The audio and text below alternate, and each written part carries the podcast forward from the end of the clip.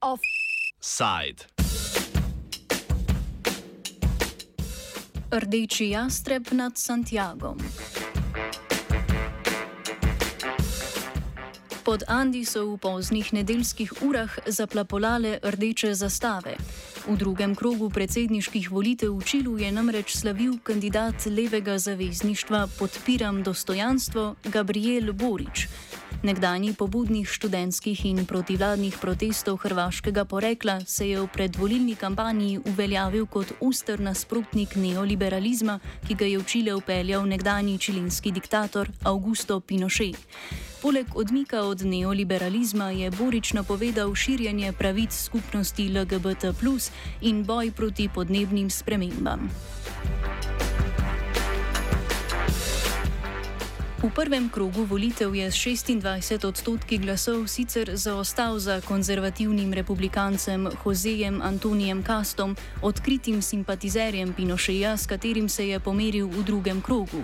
Med 56 odstotki volilnih upravičencev, ki so se udeležili drugega kruga volitev, jih je 56 odstotkov glasovalo za Boriča, Kast pa je prijel 44 odstotkov glasov. Predsedniške volitve so izrazito polarizirale čilensko volilno telo, saj sta si kandidata diametralno nasprotna, predvsem ko govorimo o ekonomskem sistemu in novi čilenski ustavi, ki bo nadomestila tisto iz časa Pinošejeve diktature. Kenneth Roberts, profesor latinsko-ameriških študij na Univerzi Cornell v Itaki v zvezdni državi New York, razloži, da je Boričeva zmaga na predsedniških volitvah v Čilu generacijski odmik od zgodovinsko uveljavljenih neoliberalnih politik. It was in many ways a very polarized election in the sense that you had new alternatives both on the left and the right. um, that were further to the left and further to the right than the, the mainstream political parties that have really dominated the Democratic regime since 1990. Um, at the end, although the, the far right candidate won the first round of the election in the runoff between the two leading candidates, um, the left wing candidate, Gabriel Boric, uh, won in the election. So he is a, he'll be a very young uh, political leader. He's only 35 years old. He'll be the, the youngest president in the history of the country. Uh, his victory certainly represents a generational change in Chilean politics, a transition of, away from the political leadership that was in place at the end of the Pinochet dictatorship in the late 1980s. Um, and so the, this is now a new generation that grew of age under the democratic regime in Chile. Um, and he also is a, a leader who came out of the student protest movement. Čile je prva država, v kateri se je v zgodnjih 70-ih letih uveljavila neoliberalna politika. Boričev protikandidat Jose Antonio Cast, ki je v predvolilni kampanji nasprotoval novi ustavi, se je na volitvah predstavljal kot dedič neoliberalizma in zagovornik tradicionalnih krščanskih vrednot, zaradi česar so se mnogi voljivci, željni sprememb, preusmerili k Boriču, pojasni Barbara Fernandez Medea, profesorica latinsko-ameriških študij na Univerzi v Hongkongu. Chile is one of the most unequal countries in the world. The Gini index is uh, 0.54 or something like that. So, so something has to be done.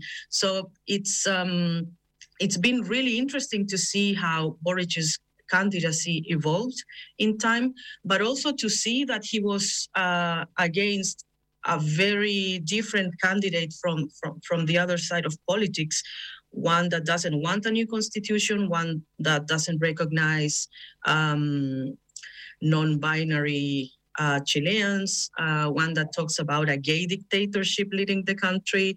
So, so you have something absolutely different, and and I think many people that never voted before went out to vote on Sunday to ensure that that speech of hatred wasn't going to be consolidated in the next um, administration 2022 2026.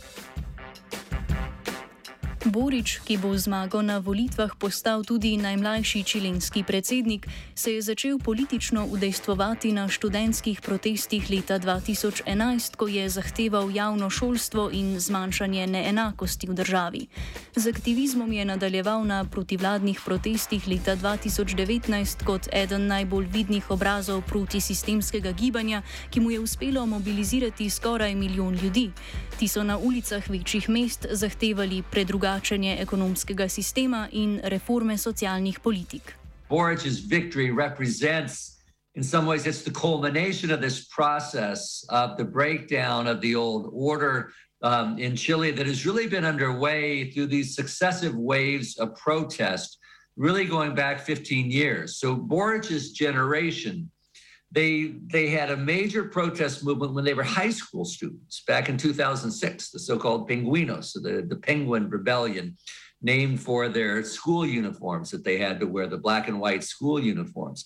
So there was a major protest cycle led by high school students in 2006 five years later when they were in college a much larger protest movement a huge protest movement in 2011 against the privatization of the education system. And then finally, the new wave of protests in the fall of 2019, which was the largest and, and most extensive of all the protest movements, really paralyzed the country. And it was in response to that protest movement that the government decided uh, to open up for a constituent assembly. And in many ways, the victory of Boric is the culmination of these, these waves of social mobilization and protest against the old order left behind um, after, after Pinochet. Do leta 2012 je bila volilna udeležba v Čilu obvezna, prav na nedeljskem drugem krogu volitev pa je bila od takrat najbolj množična. Boriču je k glasovanju uspelo pritegniti predvsem mlajše voljivce in urbano prebivalstvo, ki so v Boriču videli sistemsko neodvisnega politika, ki se bo zoprstavil neoliberalnemu sistemu in socialnimi reformami skušal stabilizirati državo. Gabriel Boric is, is the president that got elected with the biggest amount of votes in history. It's also true that we have more voters, the country has a larger population. But still is something to, to look at. And also the percentage with which he won was unquestionable by the right wing candidates. So he accepted defeat within an hour of hearing the results. So that uh, having 60% of support in the Santiago area, for example, is very important. But now we need to see how they go about it, how they try to implement policy, how the new constitution uh, will take place. Uh, there's a new plebiscite coming up. So we've been going from election after election after election in Chile over the last couple of years. Um, so, so for me, it remains to be seen how Boric uh, will nominate his ministers, how how his promises will be fulfilled, and to get this idea of stability that Chileans are looking for. That that um, moderate people who voted for Boric are expecting. I, I think that's something uh, to look out for. Boričeve predvolilne obljube izhajajo neposredno iz njegovega aktivističnega udejstvovanja. Že kot poslancu mu je uspelo omiliti privatizacijo pokojninskega sistema, ki ga bo kot predsednik države poskušal dokončno spremeniti. Poleg reform pokojninskega sistema je v predvolilni kampanji obljubljal uvedbo javnega zdravstvenega in izobraževalnega sistema. Kot ključen dejavnik reformiranja gospodarstva je obljubil tudi zeleni prehod, pojasni Aldo Madriaga, profesor političnih znanosti na Univerzu Diego Portalesa v čilenski prestolnici Santiago de Chile. Overhauling the pension system, second, overhauling the privatized um, healthcare system, which again was privatized during the 1970s and 80s and hasn't been reformed in, in a proper way um, so far, uh, and, and which is the, the um, um, source of many of the uh, inequalities in this country. And uh, I would say a general tone of, of improving inequalities. Okay, so with these two main points. And then there was also an important reference to um, changing the structure of the economy uh, away from extraction of natural resources uh, and towards and thinking about the transformation towards a more sustainable uh, development model. Bodoči čilenski predsednik, ki bo na tem položaju marca zamenjal dosedanjega konzervativnega predsednika Sebastiana Pinjero, je na volitvah kandidiral s podporo več levih in levosredinskih strank. Sam je sicer predsednik manjše stranke Socialna konvergenca, ki ima v parlamentu zgolj 9 od 155 sedežev, a se je v predvolilni kampanji predstavljal kot neodvisni levičarski kandidat. Zaradi razdrobljenosti in pomankanja centralne organizacije na levem političnem polu bo moral Borič delovati kot povezovalec levice, da bi lahko uveljavljal svoje predvolilne obljube. So there have been efforts to try to create a Chilean Podemos, you know, a move, a party like that. Um, but it's pretty, it's still not very well organized in Chile. Um, you have a number of small radical left political parties. The Communist Party is still there, so they're a, a minor player within this coalition.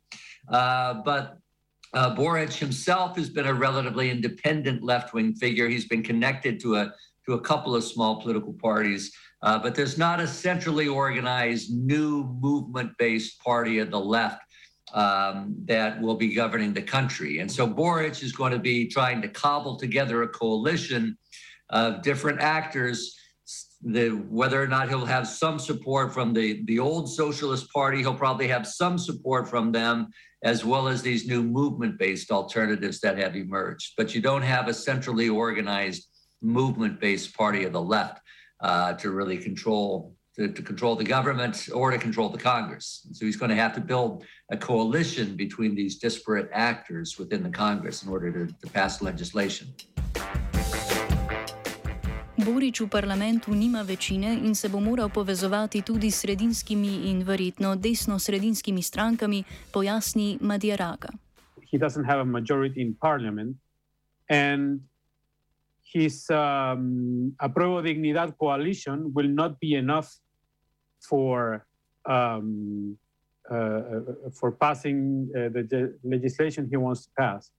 So he will have to uh, compromise on certain aspects with uh, the center left, uh, who supported him for the runoff, and maybe even some things with the center right because in one chamber uh, there's a split 50 50.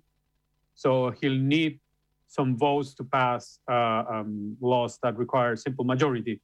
Uh, but then there are two different scenarios because, as you know, there is now uh, currently the Constituent Assembly is preparing a new constitution. So his victory will be very important for carrying over and supporting that process, which, uh, which will um, finish next year.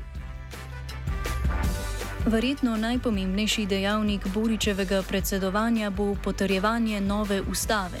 Po protestih leta 2019 so namreč čilenci na referendumu odločali o procesu pisanja nove ustave.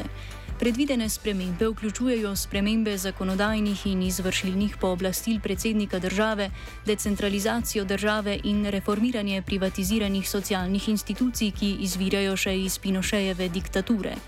Ustavodajno skupščino po večini sestavljajo Boričevi simpatizeri, a ti prav tako niso povezani v eno stranko. And so one of the, the demands of the protest movement was, was not only major reform of the neoliberal economic model, but also a break with the institutions left behind by the Pinochet dictatorship. So there has been elected a constituent assembly to draft a new constitution. Boric has been very supportive of that process. The constituent assembly um, is basically dominated by a loose coalition of, of, of independent leftists and movement based, civil society based left wing alternatives. So, again, there's not a well organized left wing political party in control of the Constituent Assembly, but it's a rather loose coalition. And they are negotiating over what the terms of, you know, what the healthcare system should look like, uh, the Social Security, labor rights, et cetera. So there's a process underway to write a new constitution. Led by actors who are at least sympathetic to Boric. And Boric is certainly sympathetic to the Constituent Assembly, but neither he nor his party controls the Constituent Assembly. And so that'll be an ongoing process as well. O novi ustavi bodo čilenci odločali na referendumu prihodnje leto. Ta ustava bo tako pomemben menik ne samo za Boričevo predsedovanje, temveč tudi za državo, ki se je po uveljavitvi neoliberalizma družbeno preoblikovala zlasti protesti, na katerih je bil med glavnimi voditeljem Gabriel Borič. We first have the imposition of the neoliberalism in the 70s and 80s. Then we have transition to democracy with very little change and many and many polities uh, deepening uh, this system. Then you have the student protests that led to having these leaders in politics as well, including Boric. And then in 2019, you have uh, the, the social uprising. And, and I think that was the moment in, in which um, many people, and I would say the majority, because they voted for Boric in the end, said enough is enough. And, and that prompted writing a new constitution, which is a process taking place as we speak. And when we think about the presidential election, Gabriel Boric was the candidate that defends the writing and the enactment of the new constitution, whereas Jose Antonio Cast is the candidate of the status quo, of keeping Pinochet's uh, constitution. This constitution we're trying to change was imposed in the 1980s through a fraudulent plebiscite. So, so the changes have been political uh, through elections, but also through very strong social movements that have started by young Chileans. Čilenska družba se je na volitve odzvala s polarizacijo. Predvolilna služnost Čilencev je odvisna od procesa potrjevanja nove ustave. Now, among the citizenry, that will depend on whether Boric is successful or not in aligning the rest of the political system behind his um, his program. Uh, so we will see whether that's that's the case or not. I think the key here, in in addition to to, to the government, to Boris' government, and, and the societal demands that he has put forward um, through his through his program, it will be the the success of the Constituent Assembly. Uh, so in a way, he has the chances of of sort of reuniting uh, the the political system and realigning it among more moderate lines. Uh, so polarization is not necessarily uh, uh, uh, the outcome to be expected. Borič bo moral torej najprej sestaviti večino v parlamentu in tako tlakovati svojo politično pot stran od neoliberalizma, ki ga je na volitvah utelešal Kast. Da bi Borič ostal na oblasti, pa bo moral na predsedniškem položaju učinkovito uresničevati svoje predvolilne obljube. What worries me um, is actually the challenges that Boric and his coalition will have to face now that, that they got the first step, which was to actually get get the presidency. Now, what's going to happen now is what um, worries me in a way, concerns me, not, not in a negative sense, but in terms of the challenges that they have to face, uh, the expectations, the high expectations they have to meet, and also the idea that this is not just for four years. I mean, uh, so far the speech has been about during this presidency, but there have to be more if they want to change neoliberalism. So um, I, I, I think that uh, apart from considering other Latin American countries within uh, the Chilean case, I think we have to pay attention to how uh, Boric and his coalition will try to remain in power, remain popular. Boričevo zmago na volitvah je na ulicah Santiago pozdravila več deset tisoč glava množica, ki je euforično pospremila Boričev povolilni govor. Zdi se, da se bo Borič na vrhu čilenske politike uveljavil kot voditelj, ki ne ustreza zgodovinskemu tipu južnoameriških levičarskih predsednikov. Borič obljublja progresivno socialno politiko tudi na področju pravic manjšin in zelenega prehoda, ki doslej v južnoameriških državah nista bili naslovljeni. Njegove ambicije po izgonu neoliberalizma iz rojstnega mesta slednjega pa bodo odvisne predvsem od nove ustave in njene uresničitve. Offside je pripravil Matija.